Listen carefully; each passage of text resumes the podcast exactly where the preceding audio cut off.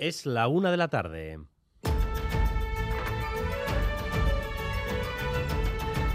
Crónica de Euskadi con Dani Álvarez. A Rachaldeón, la ley de educación parece haber dejado de ser fuente de consenso para convertirse en foco de discusión. Ahora los dos socios de gobierno, el PNV y el PSE, discrepan sobre los plazos para su aprobación. Eneco Andueza ha planteado esta mañana aquí, en Boulevard, en Radio Euskadi, que sería conveniente dejar la ley para más adelante si la ley no alcanza un mayor consenso. Mejor esperar. Minutos después, el Endacari en el Parlamento ha pedido que no se pongan obstáculos a la aprobación de una ley que es muy necesaria. Hay que ser sinceros, fácil no va a ser.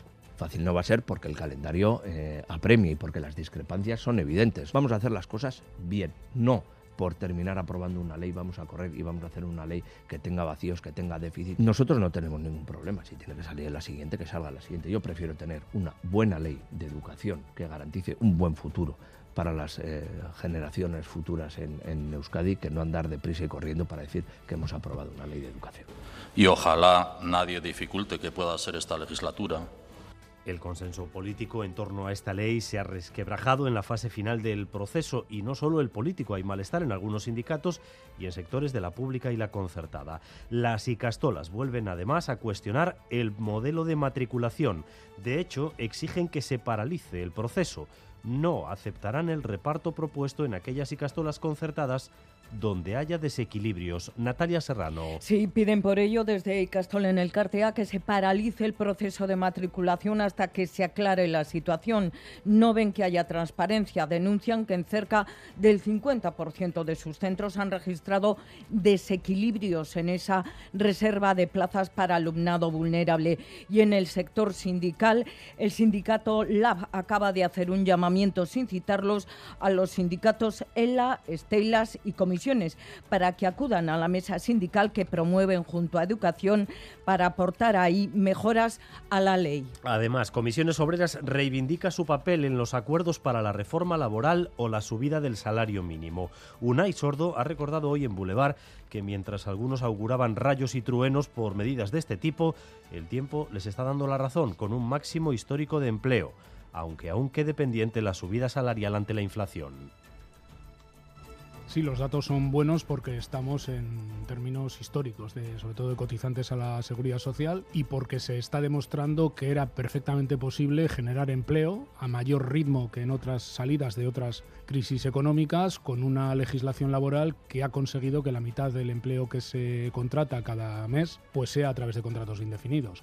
La Federación en Defensa de la Sanidad Pública sitúa a Euskadi en la cola en su ranking de privatización de la sanidad, un ranking que lideran Madrid y Cataluña. Miquel Arregui. Sí, la Federación de Asociaciones para la Defensa de la Sanidad Pública denuncia que las privatizaciones son generales y se dan en todas las comunidades autónomas. Cada vez se destina más dinero para que la sanidad privada tape los huecos de la pública, mientras se acumulan retrasos en la atención primaria y siguen faltando camas de hospital. Aún así, según el informe que esta federación ha presentado hoy en Madrid, Euskadi se sitúa entre las comunidades que menos privatizan, está en el puesto 14 entre 17, mientras que Navarra es la que más avanza en privatizaciones, subiendo ocho puestos desde el informe del año pasado.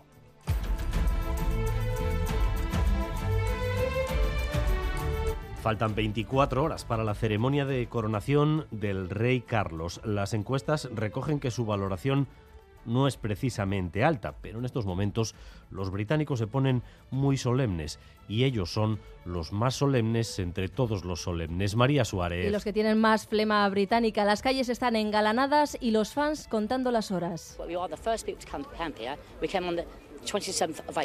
Llegados de todas partes del Reino Unido, estos llevan desde el 27 de abril en un esfuerzo para tratar de ver de lejos a Carlos y Camila, quienes para amenizar la espera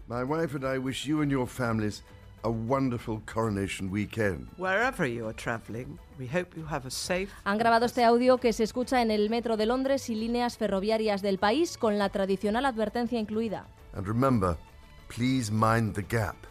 Mañana los reyes desfilarán desde Buckingham hacia Westminster en una majestuosa carroza que romperá la tradición al tener ventanillas eléctricas o aire acondicionado. La ceremonia se iniciará a las 11 en la abadía, oficiada por el arzobispo de Canterbury, y entre todas las joyas a lucir, las hebillas de los zapatos del rey Carlos, obra de un joyero de Bilbao que le ha dado el toque vasco. Yo puse pues, un pequeño laburo, sabes, escondido, que no lo sabe nadie, y es algo como secreto, como una cosa mía, como una firma. Los invitados con más morbo, el ex de Camila, Andrew Parker, o el príncipe Harry, que los rumores dicen se sentará en décima fila. La facción Wagner, la de los mercenarios que luchan en Ucrania por Rusia, amenaza con abandonar la ciudad de Bakhmut. Su líder afirma que se están quedando sin munición ni cobertura por parte del Kremlin. Óscar Pérez. Yevgeny Prigozhin ha hecho público un vídeo en el que muestra los cadáveres de varias decenas de miembros de Wagner y asegura que esas muertes no se habrían producido si tuvieran la munición que vienen pidiendo hace meses a Moscú. El líder de Wagner cita incluso los nombres del ministro de Defensa y el jefe del Estado Mayor. Shoigu Gerasimov, ¿dónde está la munición? Pregunta Prigozhin, que lanza contra ellos multitud de insultos. El líder de Wagner advierte a Moscú de que se van a marchar de Bakhmut si para el 10 de mayo, es decir, el próximo miércoles, no han recibido la munición que necesitan. Si no la tienen, dice Prigozhin, sus soldados están condenados a una muerte sin sentido. Y mañana llega el momento para Osasuna, despertar del sueño o prolongarlo con el primer trofeo grande para sus vitrinas de su historia. Álvaro Fernández Cadierno, Arachaldeón. Arachaldeón, estamos ya en modo final de Copa. De hecho, Osasuna acaba de llegar a Sevilla, al aeropuerto, donde empiezan a arribar también los primeros aficionados son rojillos. Esta tarde entrenamiento en la Cartuja y las pertinentes ruedas de prensa de Diego Barrasate y David García. Además, ha viajado toda la plantilla, incluido Roberto Torres, ya fuera del club, eh, pero que tomó parte en las dos primeras eliminatorias y un puntito del resto de los equipos. La afición del Atlético sigue lamentando su derrota de anoche ante el Betis, la aleja de Europa, y la de la Real, eh, contenta, feliz por la renovación de David Silva. En la Plaza del Castillo va a estar el epicentro de la fiesta para quienes se han quedado en Pamplona. El resultado será el que sea, pero estas horas previas de ilusión ya no se las quita nadie. Ollane Arangoa, Rachaldeón. A Rachaldeón no, porque pase lo que pase, lo de mañana va a ser un acontecimiento absolutamente excepcional para la hinchada rojilla. Muchos vivirán esta cita aquí en la Plaza del Castillo, que vemos ya con banderas en los balcones, carteles en farolas y gente por la calle con la camiseta roja. Otros miles ya van de camino a Sevilla. Marea rojilla que hemos visto salir esta mañana en autobús, avión o tren, padres, madres con hijos abuelos con nietos, cuadrillas dispuestos a darlo todo y a disfrutar de una cita histórica. Esto hay que, hay que vivirlo. Al final es una jornada festiva, es algo único. Yo creo que ese es el, arma que tenemos, que nosotros tenemos ilusión. Ellos se han ganado muchas cosas. Con todo el mundo de Osasuna y el 0-2 y para casa. ¡Aupa Osasuna! ¡Aupa Osasuna! Y aquí en la Plaza del Castillo los bares también se preparan para un día casi como los de San Fermines, ya que gane o no gane Osasuna, la fiesta Dani está asegurada. Y además el Festival de Cine Fantástico de Bilbao, el FANT, arranca hoy con una programación extensa. Los cortos vascos serán los protagonistas en la gala de apertura de esta tarde en el Teatro Campos Elíseos. Se presentarán las 11 propuestas a concurso de mejor cortometraje vasco. Entre ellos está Influencer de Nerea Torrijos, o Super Jodidos de Gastón Hag. Escuchamos a ambos. Es como una especie de pequeño Black Mirror. Es un poco una crítica a lo que generan hoy en día para mí las redes sociales. Hay personas que son capaces de cualquier cosa, hasta perder su propia identidad por parecerse a Kim Kardashian. Super Jodidos es un corto absurdo de comedia que habla un poco de los personajes fracasados y el género que a mí me gusta, que es cuando se mezcla un poco la comedia con acción, de locura y bizarro. En cuanto al tráfico, precaución en estos momentos en la AP8 en Usurbil, sentido Irún, AP8 Usurbil, sentido Irún, por un camión averiado que obstaculiza parte del carril derecho.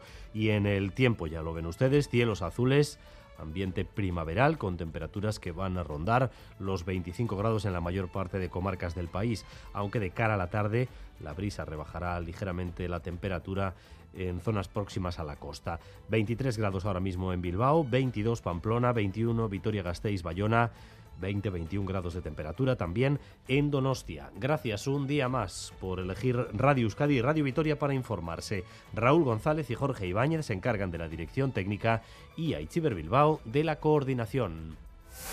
Crónica de Euskadi con Dani Álvarez.